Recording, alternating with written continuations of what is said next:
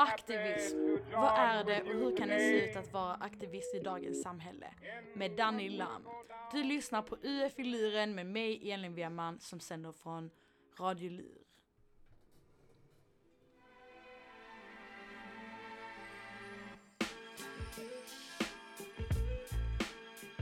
Hej och välkomna till en ny säsong av UF i luren.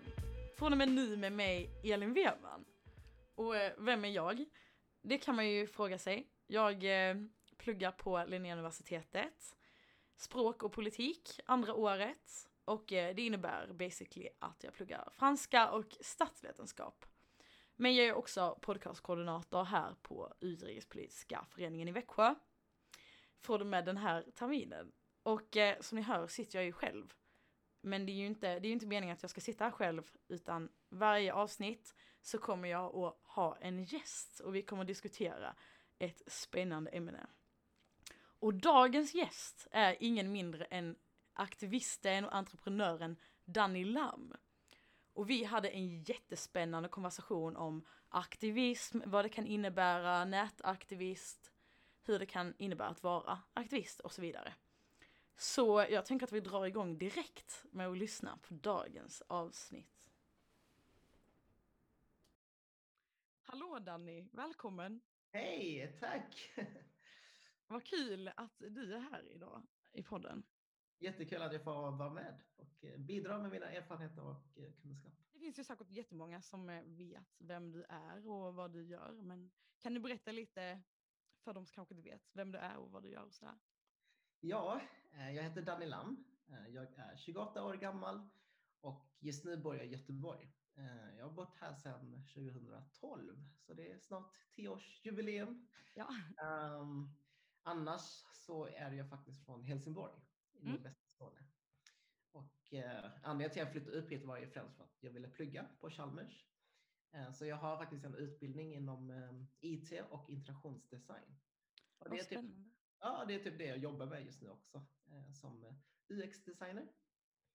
Eh, och eh, för de som inte vet vad det innebär så är det att man eh, designar olika system och tar fram liksom förbättra användarupplevelsen för användaren. Så det är det jag gör. Men ta fram, så du jobbar med internet då? Eller, eller du... Ja, man kan väl säga att jag jobbar med det kan vara allt från hemsidor till appar till pro- programvaror. Liksom. Så det är, jag, gör själva designen och eh, det visuella. Men det är ju jätte, jättepassande i och med att du också har ett konto och mycket, syns mycket på internet.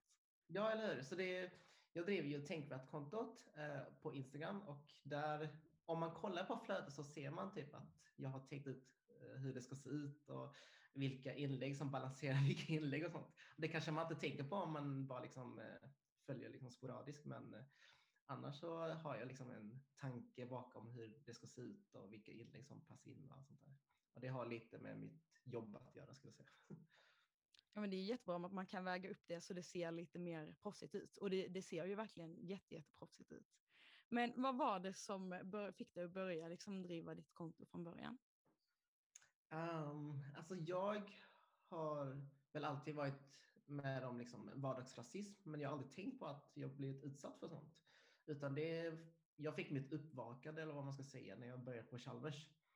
Uh, för då började jag umgås med vänner som ja, utbildade mig på vad liksom, att rasism inte måste uh, betyda de här eh, um, om Ku Klux Klan i USA eller Nazityskland som man läser i historieböckerna. Liksom. Utan rasism kan handla om mikroaggressioner och kommentarer och eh, ja, men de här sakerna som händer vardagligen som man, man tar liksom illa upp och man känner sig sårad men som man kanske rättfärdigar lite bara för att man känner att det inte är så stort eller det är inte så allvarligt.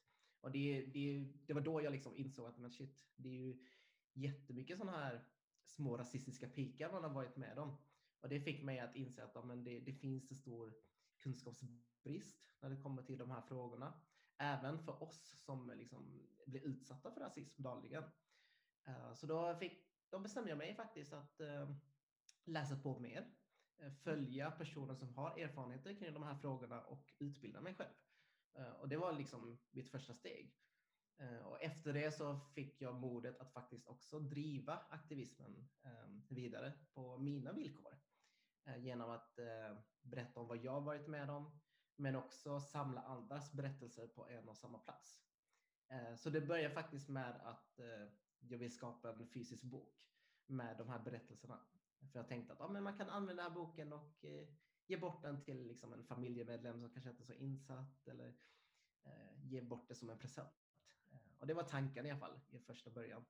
Men sen eh, blev det inte riktigt av för att eh, det krävs ju mycket. Liksom, eh, man måste hitta bokförlag, man måste, allt sånt här som jag inte alls har någon kunskap inom.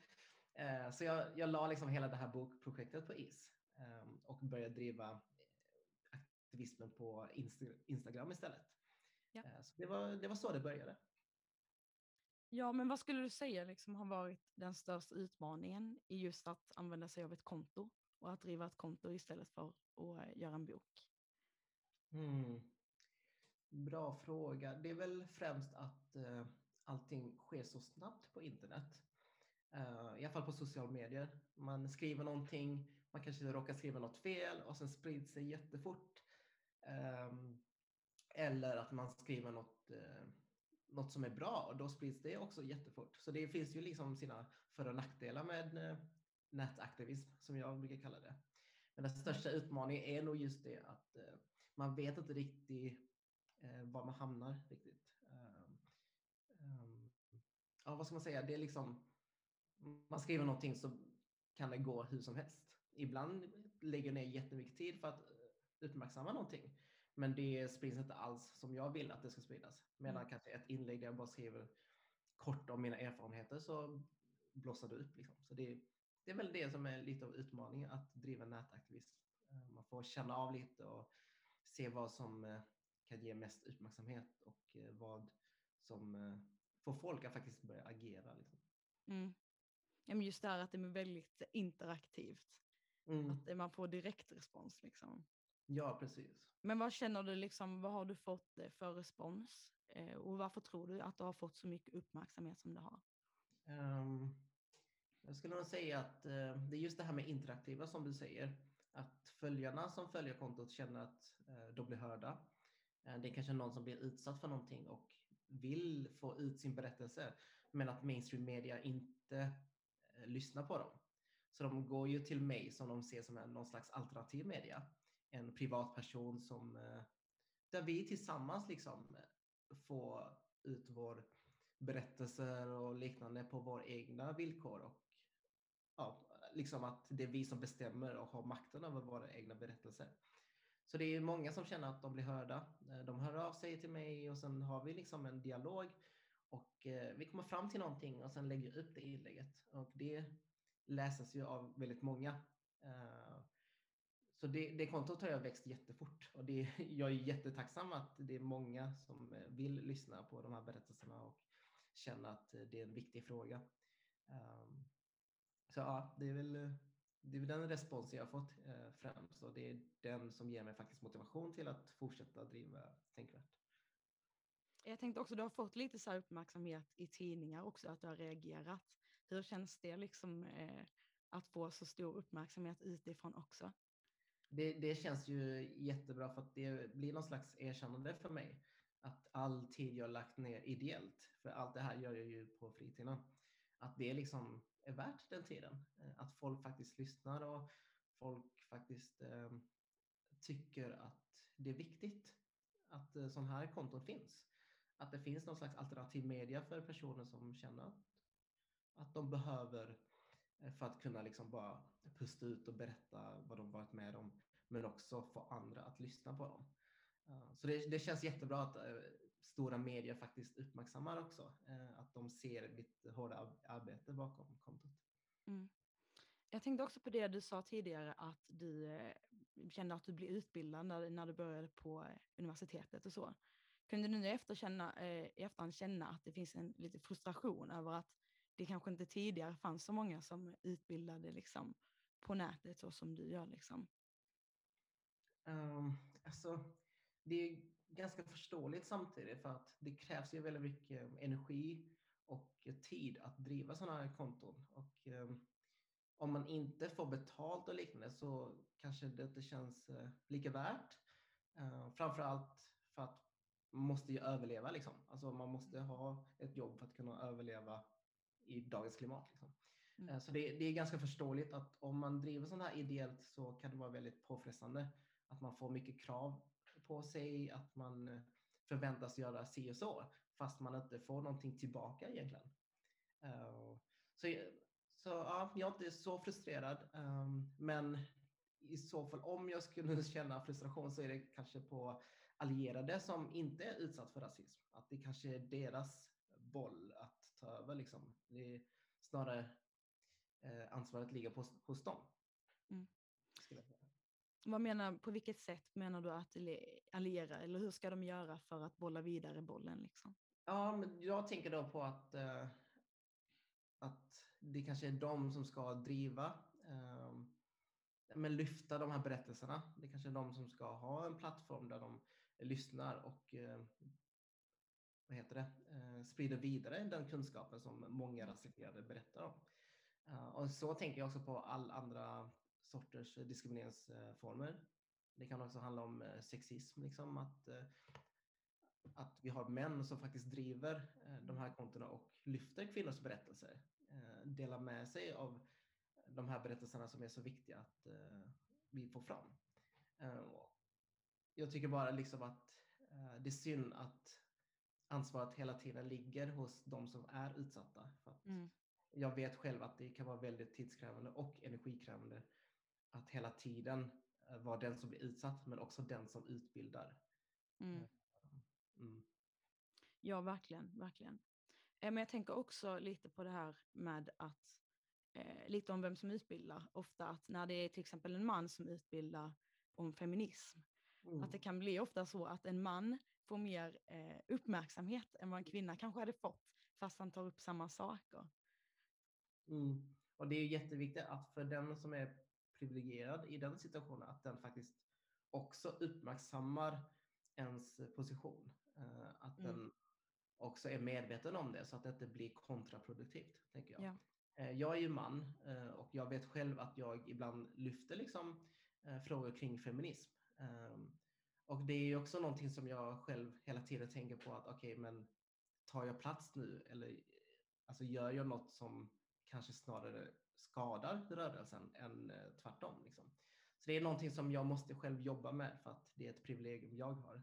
Ehm, och det är jätteviktigt också att faktiskt lyssna på dem som har tolkningsföreträde. Eh, säger de till mig liksom att ah, men, nu tar du faktiskt väldigt mycket plats så du lämnar inte liksom, eh, rum för de som faktiskt är utsatta. Mm. Då är det upp till mig att liksom, gå till det försvar, utan jag måste ju faktiskt lyssna och eh, ta till mig de här eh, kritiken. För det är, det är så man utvecklas hela tiden som person. Ja, men som, som att man, eh, när man är allierad, att man mm. uppmärksammar men också sen ger utrymme för de som är utsatta. Exakt så. Och eh, på ditt konto, men även i podcasten, så, som du driver tillsammans med din kompis, mm. eh, uppmärksammar du ju lite olika saker. Eh, inte bara liksom frågor om rasism och förtryck, utan lite olika händelser och lite olika problematiska saker som handlar om förtryck och så. Mm. Eh, och det är väldigt brett spannet. Eh, och hur går din process från att du ser någonting till, till att du sen postar eller pratar om det? Um, jag försöker väl att ha någon slags balans tror jag. Uh, det är inte jätteofta att jag har liksom tio inlägg som bara handlar om en specifik fråga, utan det är ju lite blandat. Ehm, och samma sak med i podden. Där försöker vi också, jag och Ina, eh, prata om liksom, eh, ämnen som är relevanta för denna veckan till exempel. Och det är främst för att jag känner att det är så folk kan relatera till. Mm. Det är så folk eh, ja, men känner att de kan vara delaktiga för att det är någonting som har skett precis nyligen. Och på så sätt blir det också mer diskussion tror jag. För att mm. det, det är i tiden och eh, som jag sa innan, allting går så jävla fort på sociala medier.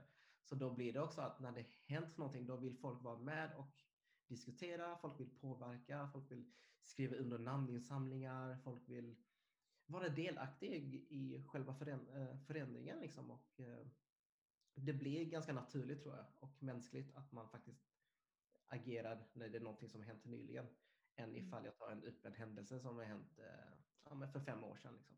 Mm. Även om det är en viktig, jätteviktig fråga då också, liksom, men jag tror att det är en väldigt mänsklig grej. Um, ja. Så det, jag, jag, skulle säga att det är en blandning, uh, men också frågor som jag själv brinner för. Mm. Ehm, jag vet att jag får mycket tips om allt möjligt. Det kan vara liksom allt från uh, något som har hänt på en tv-serie typ. Eller så är det någonting som uh, har hänt ens, uh, ja, men, någon som blir utsatt för någonting. Och då brukar jag liksom se över lite, okej, okay, men är det då här någonting som jag känner att jag har inblick inom? Och är det någonting som jag känner att behöver uppmärksammas mer? Så det är väl olika eh, vägningar jag gör varje gång jag eh, får in ett tips och väljer att faktiskt skriva om det.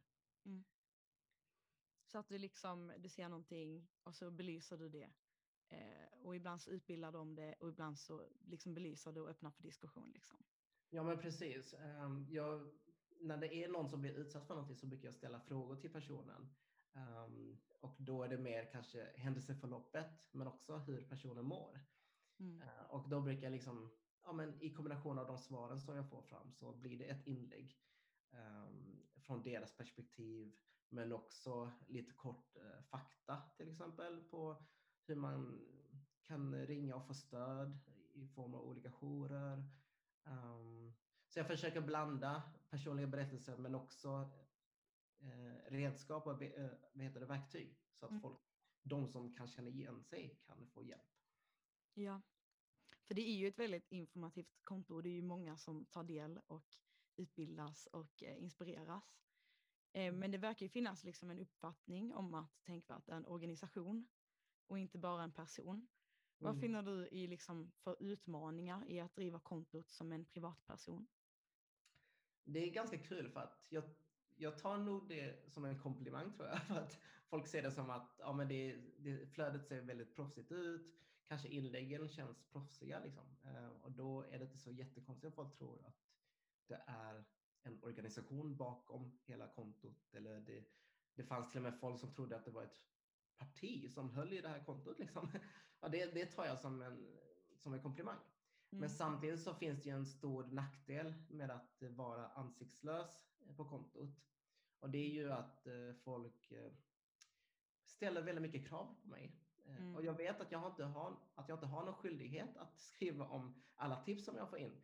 Men det blir ganska påfrestande att hela tiden få de här skuldbeläggande kommentarer eller DM där folk skriver liksom, men varför har du inte lyft den här frågan? Mm. Är du och sen massa påhopp. Liksom. Och det, det ser jag inte som ett konstruktiv eh, kritik eller genuin tips, utan det är ju bara egentligen rent eh, påhopp. Så jag, mm. det är klart jag tar illa upp liksom, och jag skriver till dem bara hallå, jag är faktiskt bara en person som driver kontot. Men det är ju inte alla som förstår den för att de tänker att har jag många följare så har jag stor makt och därför har jag ett stort ansvar till att skriva om de här sakerna. Ja. Um, och det är liksom, det låter logiskt, men jag är ju människa och mm. jag har ju inte bett någon att, att göra kontot så stort liksom. Um, så det, det var ett lite jobbigt från och till, men i slutändan så är det ju främst eh, personer som tackar mig för att de har lärt sig eller att de har eh, att jag har gett dem modet att under fikabordet med sina kollegor eh, stå upp för sina medmänniskor. Det är sådana kommentarer som gjort att jag fortsätter driva kontot trots allt sånt här påhopp. Ja, men det är ju fantastiskt just att det får en sån påverkan in i folks vardag. Liksom. Mm. Jag tänkte också lite på det här med Greta Thunberg, just mm. det här med ansvarsutkrävande, liksom. att eh, eh, hon då känner att hon eh, tar ett, får ta ett för stort ansvar, fast hon bara är liksom en person som belyser vissa saker. Istället, hon är ju inte politiker eller organisation. Liksom. Nej, exakt. Jag känner på samma sätt. Och hon har ju så många fler följare och hon är dessutom mycket, mycket yngre än vad jag är. Mm. Så den pressen på henne måste vara, jag, kan nog inte ens uh, föreställa mig hur den är. Liksom. Mm. Men jag, min utmaning till de som lyssnar på det här avsnittet är att ja, men försök förstå eh, att det tar väldigt mycket tid bakom varje inlägg. Det tar väldigt mycket tid bakom varje meddelande man läser, som man svarar på. eh, och att förstå att vi faktiskt är människor och att vi gör det här ideellt. Um, det är inte samma sak som att uh, kritisera liksom, nyhetstidningar. Eh, så, för det, det, är liksom deras jobb att faktiskt uppmärksamma olika händelser runt om i världen. Men uh, jag har inga skyldigheter. Greta Thunberg har inga skyldigheter. Så det är liksom, ja, det, det kanske låter liksom om en självklarhet just nu, men jag vet att det är många som inte alls tänker i de här banorna. Mm. Ja, men jag tänkte också lite så här, just det här med att ni är liksom eh, egna privatpersoner. Det blir en stor skillnad till exempel till eh, UF som jag tillhör, Utrikespolitiska föreningen, i och med att vi har så många olika instanser. Det är så stort. Mm. Eh, och det finns liksom, vi är ju en styrelse som man kan vända sig och bolla liksom. Medan, eh, jag menar du, du har ju också eh, Ina till, tänkvärt, till podden. Mm. Men annars så står du ju liksom i stort sett själv i, ja. i produktionen liksom. Ja, precis. Och det är jätteviktigt också att man har personer som man kan bolla med. Och jag har ju mina vänner som jag kan prata med och ibland kan jag liksom ställa en fråga bara, men det här inlägget som jag tänkte skriva, är det liksom är det relevant eller är det någonting som jag inte borde lyfta? Liksom? Så jag har ju ändå vänner som jag kan vända mig till ifall mm. det skulle vara någonting. Och det är sjukt viktigt när man driver sån här typ av, av aktivism. För det går ganska fort och man kan känna sig ganska ensamt ibland, trots att man har liksom 140 000 bakom en som läser ens inlägg. Liksom. Ja. Så det, det, är väldigt läskigt. Um, så det, det, är bra att alltid ha någon man kan bolla med. Mm. Och du beskrivs ju eh, i många sammanhang som nätaktivist och akt aktivist. Liksom. Och mm. du beskriver det också själv som nätaktivist. Mm. Eh, och, alltså, hur skulle du beskriva eh, hur man definierar liksom, en aktivist? Mm. Det är en bra fråga. Jag skulle säga att eh, en aktivist är någon som faktiskt eh, agerar. Eh, man brinner för en fråga som man känner att ja, men det här måste, det måste ske en förändring nu. Liksom. och då mm. kan man uppmärksamma problemet på olika sätt. Man kan göra det med hjälp av sociala medier som verktyg, vilket jag använder främst. Och så kan man också gå ut och demonstrera liksom, the good old ways. man mm. kan även skriva debattartiklar, man kan skriva under namninsamlingar, man kan ringa till eh, myndigheter och be, kräva förändring, man kan rösta på ett parti som jobbar eh, för att motverka det här problemet. Liksom. Och det, det för mig är en aktivist, en som mm. Eh, agerar och har en baktanke med saker och ting som den, när den gör någonting. Liksom. Mm. Eh, och skillnaden med då en aktivist och en nätaktivist, jag skulle bara säga att det är olika eh, verktyg eller plattformar som man använder. Eh, en nätaktivist, som, som det låter, är ju att man är främst på nätet och gör allt digitalt. Och visst, jag är också ute och demonstrerar ibland och skriver debattartiklar och alltså göra de här sakerna som en aktivist gör. Men jag ser nog främst mig som en nätaktivist för att det är där jag har min stora plattform och det är där jag känner att eh, jag har den största makten till att förändra. Eh, så det är nog bara en definitionsfråga faktiskt. Mm. Eh, och jag tänkte lite vidare på det här med just internet. Du som är nätaktivist, vad tror du att internet har för påverkan på aktivismen? Jag tror internet har öppnat upp för en väldigt, väldigt vad ska man säga, stort och inkluderande del av hela aktivismen. Ehm, det blir någon slags eh, information sprids mycket snabbare. Vi har liksom hashtaggar som blir någon slags eh, samlingspunkt för olika ämnen. Eh, och jag vet själv att hashtaggar har varit en stor del av aktivismen de senaste 10-15 åren. Liksom. Mm. Och det är också ett sätt för många att kunna vara delaktig utan att behöva fysiskt vara ute och göra någonting. Mm. Och det öppnar ju upp för jättemycket möjligheter. Um, allt från liksom, ja, men personer som kanske har uh, ja, svårt att vara ute bland folk. Eh, den kan driva nätaktivism. Ehm, det kan också vara folk som kanske inte vet hur den ska agera när den är ute och eh, demonstrerar eller att den ska det, det, blir liksom en plattform där det är lättare att ta till sig informationen men också en plattform där det är lättare att mobilisera sig mm. Eh, med andra som tänker likadant. Man kan lätt skapa liksom en grupp, gruppchatt och sen bara liksom mobilisera och komma fram till någonting. Mm. Så jag personligen ser stora fördelar med internet som en plattform för aktivism. Eh, sen självklart finns det också väldigt många nackdelar. Men jag tror jag är mer på den positiva sidan. ja, det, det är ju tur. ja. men jag tänkte, alltså om du ska säga typ de tre största fördelarna med eh, nätaktivism, vad skulle du säga att det var? Jag personligen skulle säga att eh, man har någon slags eh, alla har typ samma typ av makt. Eh, kanske inte egentligen samma typ i och med att vissa har ju redan stora plattformar och vissa är ju redan känd person som alla liksom vet och eh, lyssnar på. Men jag skulle ändå säga att eh, man kan bygga upp sin egen makt eh, beroende hur man driver sin aktivism.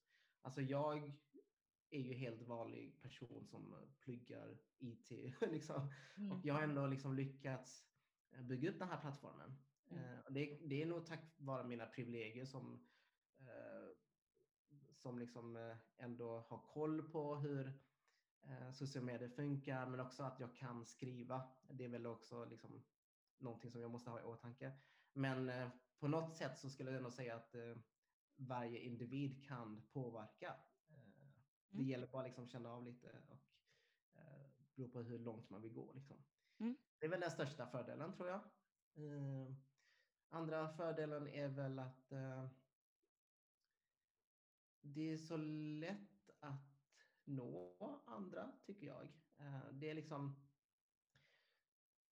Om man tar bort hela internetgrejen så är det ju ganska svårt att nå en person på andra sidan jordklotet. Mm.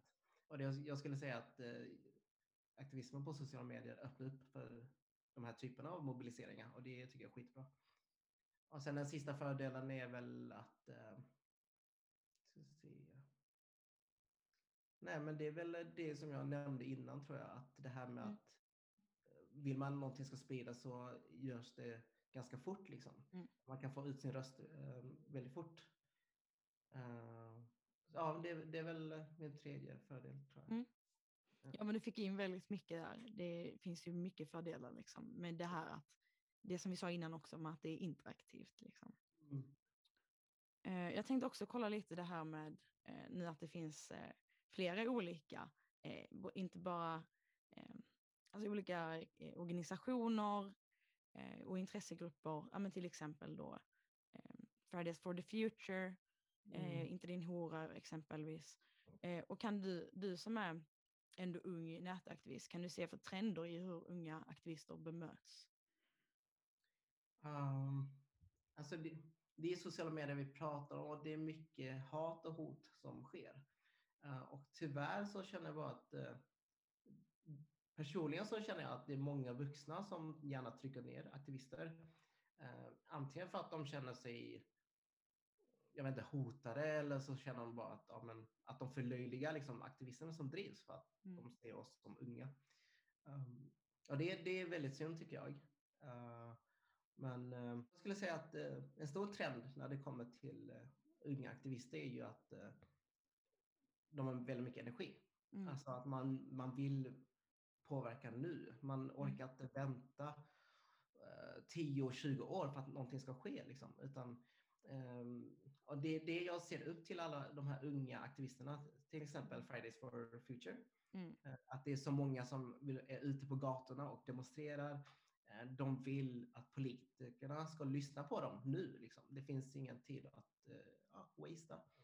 Um, och det, det tycker jag är skitbra. Eh, det behövs som balans till det här stora politiska arbetet som tar väldigt lång tid.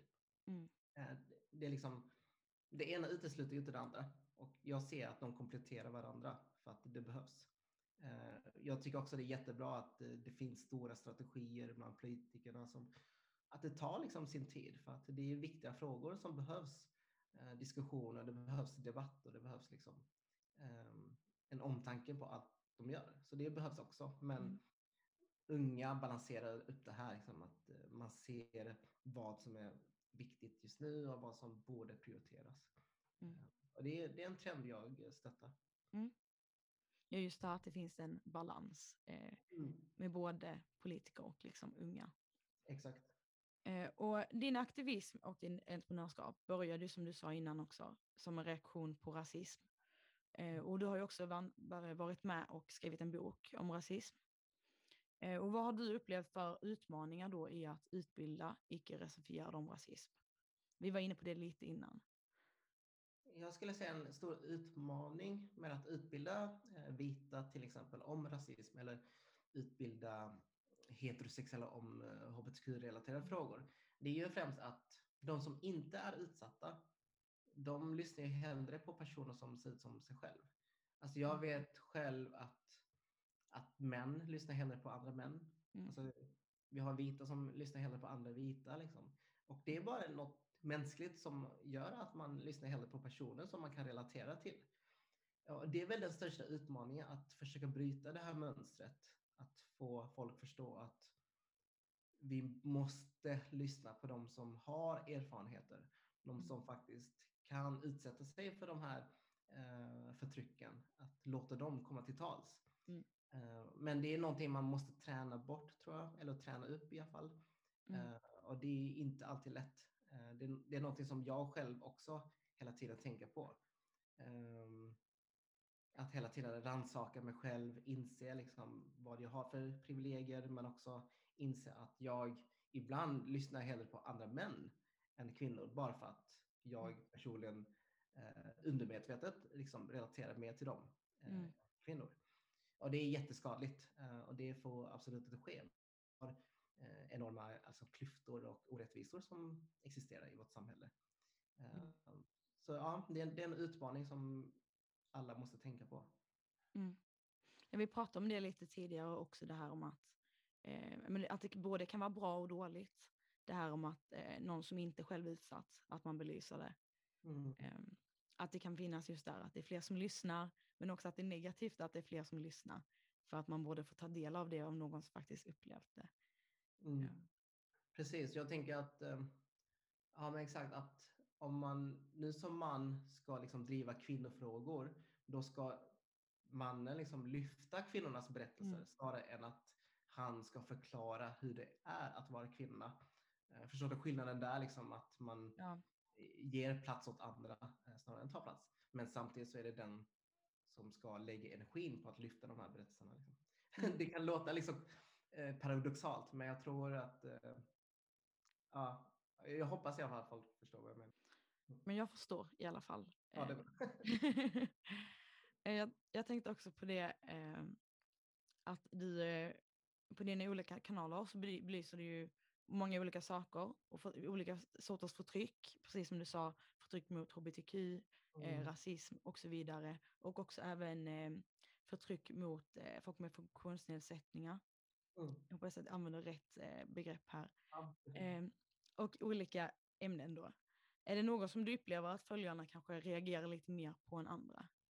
Och varför tror du det är så? Ehm, jag skulle nog säga att eh, kvinnohat är ett ämne som jag lyfter ibland, eh, men det är också det ämnet som eh, reageras mest på.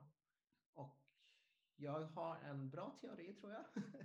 och det är att eh, de flesta som följer Tänkvärt är faktiskt kvinnor. Mm. Enligt statistiken så är det faktiskt 87 procent av följarna som är kvinnor. Och det, är- Mm. det är ju absolut stor andel jämfört med män eller icke-binära. Liksom.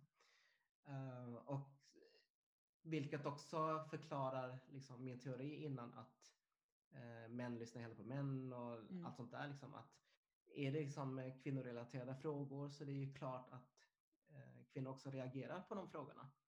Eh, jag skriver även mycket om rasism eh, och det är, jag skulle säga att det är det som är främsta fokuset egentligen med Tänkvärt. Eh, och det får också mycket reaktioner.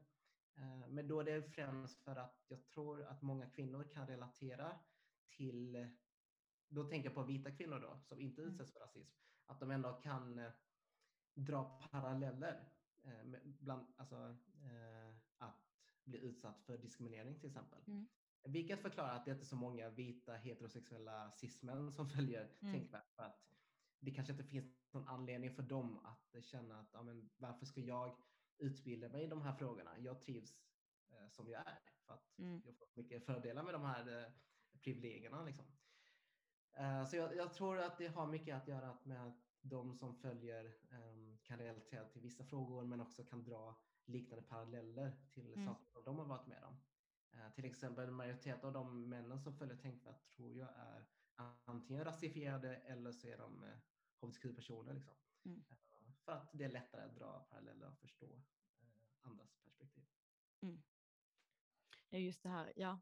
Att, att folk som eh, kanske skulle behöva höra det mest är de som inte lyssnar för att de inte kan eh, ta åt sig det eller inte känner behovet av det. Det är Och det ju, är jättesynd. Och det är så någonting jag tänker på hela tiden. För att det är de, vi, vi alla som brinner för jämlikhet och jämställdhet, det är de vi vill nå. De mm, här personerna som inte är utsatt. Det är kanske de som utsätter det istället. mm, Eh, och för att nå dem så tror jag det är viktigt att inte heller peka finger så mycket. Ehm, jag, vet inte, jag tror många som följt Tänkvärt länge märker att jag inte pekar så jättemycket finger på att ja, allt är mäns fel eller allt är vitas fel. Ehm, Mm. Även om jag förstår retoriken, liksom, att man menar gruppen män eller gruppen vita. Mm. Men eh, jag vet bara att vi människor, vi fungerar så att vi blir defensiva när vi känner oss träffade. Eh, om jag säger liksom, ja, men alla kvinnor är si och så, då, då är det klart att kvinnor tar illa upp, även om de kanske inte ingår i den problematiken jag försöker upplysa. mm, Eh, så jag, jag tror det är viktigt att inte peka finger, eh, men att snarare upplysa så att folk själva uh, ja, men rannsakar sig själva och får liksom den här idén, bara, okej, men jag kanske är en del av det här problemet. Att få dem själva att inse det. Det tror jag är viktigt. Vi var ju inne eh, lite innan på det här med olika sätt att vara aktivist och hur man, eh, vad det finns. Och bland annat då bojkott. Eh, och då tänkte jag lite på det här med just på internet, eh, cancel culture. Och det cancel culture går ju ut på det här med att eh, man till exempel bojkottar en kändis eller någon som har gjort någonting problematiskt och inte använder sig av deras eh, musik bland annat. Vad ser du för för och nackdelar med cancel culture? Jag vet faktiskt inte ärligt talat var jag står någonstans där. Eh, för att jag vet själv att cancel culture, det finns stora fördelar med det. Eh, speciellt om vi tänker på metoo-rörelsen. Mm. Att vi har liksom, eh, att de här förövarna tar sitt ansvar, att de, de faktiskt får konsekvenser och Mm. saker som de förtjänar. Liksom. Att man outar sina förövare och att de ja, men blir cancelled, att man inte stöttar de här personerna längre. Man konsumerar liksom inte deras produkter eller konsumerar deras eh, ja, men, saker som de producerar. Liksom. Mm. och det, det för mig det är positivt. Men sen finns det också ganska mycket nackdelar med cancel culture. Eh, och jag skulle säga det främst är ju att man ser människor som vad ska man säga? Man, man ser människor som produkter som man kan liksom bojkotta. Mm. Eh, vilket inte alltid funkar liksom för att jag själv personligen, jag kan också göra mycket fel eh, för att ingen människa är perfekt. Mm. Eh, Men då reduceras jag oftast till en, och, alltså en produkt som folk bara, ja men den här personen ska vi cancella. Inled inga samarbeten med honom. Följ inte honom. Läs inte hans inlägg. Lyssna inte på honom för att han skrev ett ord som inte är okej. Okay, typ. Mm. Um, man drar väldigt långa paralleller. Uh, jag har även sett personer som säger att ja, men, jag ser att du följer en person som är vän med den personen. Så därför tycker jag inte om dig. Alltså förstår du att det blir väldigt långa paralleller som jag tycker är orimligt för att vi, vi är människor. Eh, Vi kan göra fel och det är okej okay att göra fel. Eh, Skillnaden är att man ska bättra sig såklart. Eh, Man ska också lyssna på dem som är berörda av det problem man har liksom varit med och påverkat. gör man inte det, ja men då, då kanske det är en diskussion om att eh, kanske inte stötta personen. Mm. Men jag skulle inte säga att man ska dra så långt att bara för att du följer en person så betyder det att du stöttar personen fullt ut eller att du också är rasist eller vad man nu ska dra för paralleller. Liksom. Så det, det är väl den största nackdelen med hela cancel culture, att det dras väldigt långt. Um, och snart är liksom, även om du inte har någon koppling alls till personen så får du ändå det automatiskt för att du umgås med någon som uh, läser någonting som den har producerat. Typ. Alltså det, mm. ja, det, det, är en absolut tanke som jag vet har uppstått flera gånger. Liksom, ja. Jag själv har blivit cancel flera gånger för att ja, det, jag kanske uttryckt mig i någonting som folk inte håller med om. Mm. Um, så det, jag vet inte riktigt var jag står riktigt, men jag tror jag lutar mer åt det här att cancel culture är mer skadlig än vad man tror. Mm. Ja. Att den kan vara bra liksom, i vissa sammanhang och mm. användas mm. som ett bra redskap. Eh, till exempel när det är någon som verkligen har utsatts och eh, är med i en, en strukturell form av tryck, förtryck. Liksom. Men att det också kan vara Precis, ett sätt att liksom ta tillbaka makten lite skulle jag säga. Mm. Att vi vanliga individer får äga våra berättelser, att vi får um, sätta press på våra förövare, liksom. Eh, mm. de som ska hållas ansvariga, till exempel de vdn eller de som har stor makt annars. Mm. Eh, så det, det är jättepositivt på så sätt. Men ja, det finns ju den stora nackdelen och det är ju att vanliga personer reduceras till en produkt. Mm. Att man drar väldigt långa paralleller och eh, associationer, ja. vilket blir snabbt skadligt. Ja, just det här med, med internet. Att man mm. blir liksom en produkt istället för en person. Precis. Men du på dina olika kanaler så har du ju påverkat och utbildat många och belyst många ämnen. Och du har ju bland annat fått olika stipendier och priser på grund av ditt arbete mot eh, rasism och förtryck. Eh, vad skulle du ge för tips till folk som vill utbilda sig inom dessa olika ämnen och kunna påverka? Um, mitt tips är faktiskt att uh, följa personen som har blivit utsatt för de här um, problemen eller diskrimineringarna som du vill veta mer om. Uh, lyssna på dem, läs deras liksom, berättelser, uh, dela vidare dem utbilda dina nära och kära också. Eh, för att det är så jag tror, tänker att det behövs någon slags dominoeffekt. Liksom, att mm. Lär du dig någonting så ska du sprida den vidare till andra. Ehm, men eh, jag kan ju bara ta från mitt perspektiv och det var så jag lärde mig eh, att faktiskt följa de här konton. Ehm, mm. För mig så var det ett konto som heter Makthavarna på Instagram. Mm. Det finns inte längre, men jag tror det finns, men den är inte aktiv längre. Mm. Och det var ett sätt för mig att lära mig hur rasismen ser ut för olika typer av människogrupper. Uh, och jag var själv med en vecka och bidrog med mina egna berättelser. Mm. Uh, för att på så sätt lärde jag också känna mig själv. Uh, så jag, jag, skulle säga att följ de här kontona, um, utbilda dig själv och var nyfiken. det tror jag är skitviktigt. Var nyfiken men också förstå att andra kanske inte hela tiden har orken att utbilda dig. Mm. Så det finns ju alltså ett hav av information på nätet. Utnyttja det för att vi har riktigt stort privilegium. Bara den grejen att vi har internetaccess. Mm. Uh, alltså sitta och googla ibland. Alltså ibland när jag är tråkig så kan jag faktiskt sitta och googla på ja, men, mikroaggressioner och sen läser jag liksom bloggartiklar och liknande och det tycker jag är skitintressant. Och det finns ju också mycket dokumentärer på Netflix till exempel man kan sitta och titta på. Uh, mm. Sjukt bra gjorda dokumentärer. Um, och sen finns det såklart böcker typ uh, How to be an anti-racist. Um, ja, det finns så många böcker som jag inte kommer på just nu, men uh, sjukt mm. mycket material där ute. Du nämnde ju nu eh, begreppet mikro... mikro ja, mikroaggressioner. Det, är, det är ganska uh, svårt att förstå kanske om man är i en position där man inte kan relatera till eh, alltså rasistiska kommentarer som sker dagligen. Liksom. Men jag skulle försöka likna det med, um, tänk dig ett myggbett. Mm. Att få ett myggbett, det är, ja, det är lite irriterande, det gör kanske lite ont, men sen går det över. Mm. Uh, och sen finns det vissa personer som får myggbett hela tiden, varje dag, mm. överallt, från media, uh, från kommentarsfältet på Aftonbladet, från eh, människor på gatan. Liksom. Eh, de som får de här myggbeten hela tiden, det blir väldigt jobbigt till slut. Mm. Uh, och då kanske ibland rinner liksom vatten över bägaren och man exploderar liksom och ropar mm. men kan ni sluta uh, sticka mig? För det är så jävla jobbigt. Mm. Uh, och då kanske utomstående tänker jag, men det där var bara en liten kommentar. Varför tar du så illa upp? Mm. men det där är mikroaggressioner, att man får sådana här små pikar hela tiden.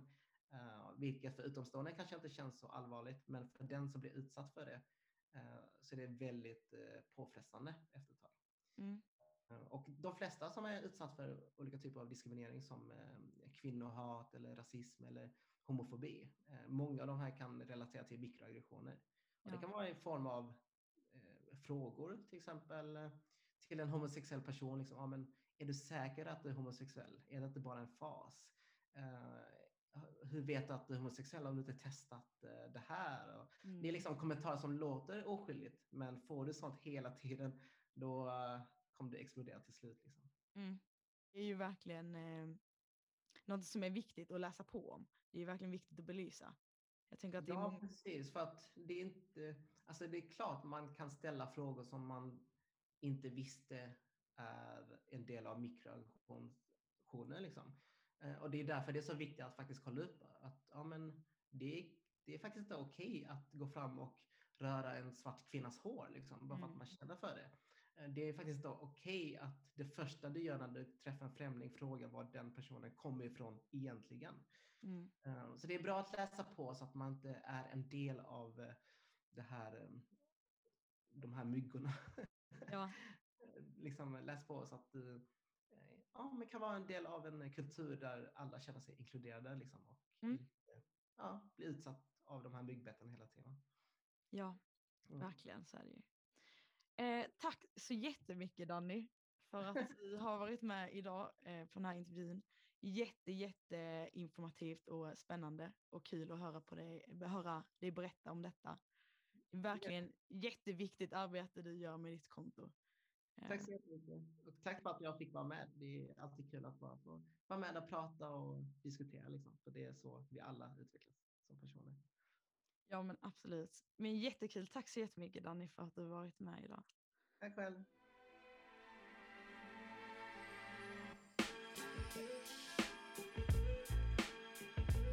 Så, detta var alltså mitt allra, allra första avsnitt av UF-luren. Och det gick ju faktiskt ganska bra måste jag säga. Det var ju verkligen jättekul att få prata med Danny. Han kan ju verkligen så mycket om de här frågorna och eh, gör ju ett gigantiskt arbete just i att han lyfter alla dessa grejerna och frågorna. Så jag uppmuntrar verkligen till att gå in och följa hans eh, kanaler och att eh, även liksom ta till er av det som han sprider för det är verkligen superduper bra. Eh, men mer om nästa avsnitt. Nästa avsnitt kommer vi att ha tillsammans med Emma Ricknell som är doktorand här på Linnéuniversitetet. Och eh, vi kommer att röra lite USA-frågor och så vidare. Så det kommer bli jättespännande. Så eh, tack så jättemycket att ni lyssnade idag och häng gärna med till nästa avsnitt.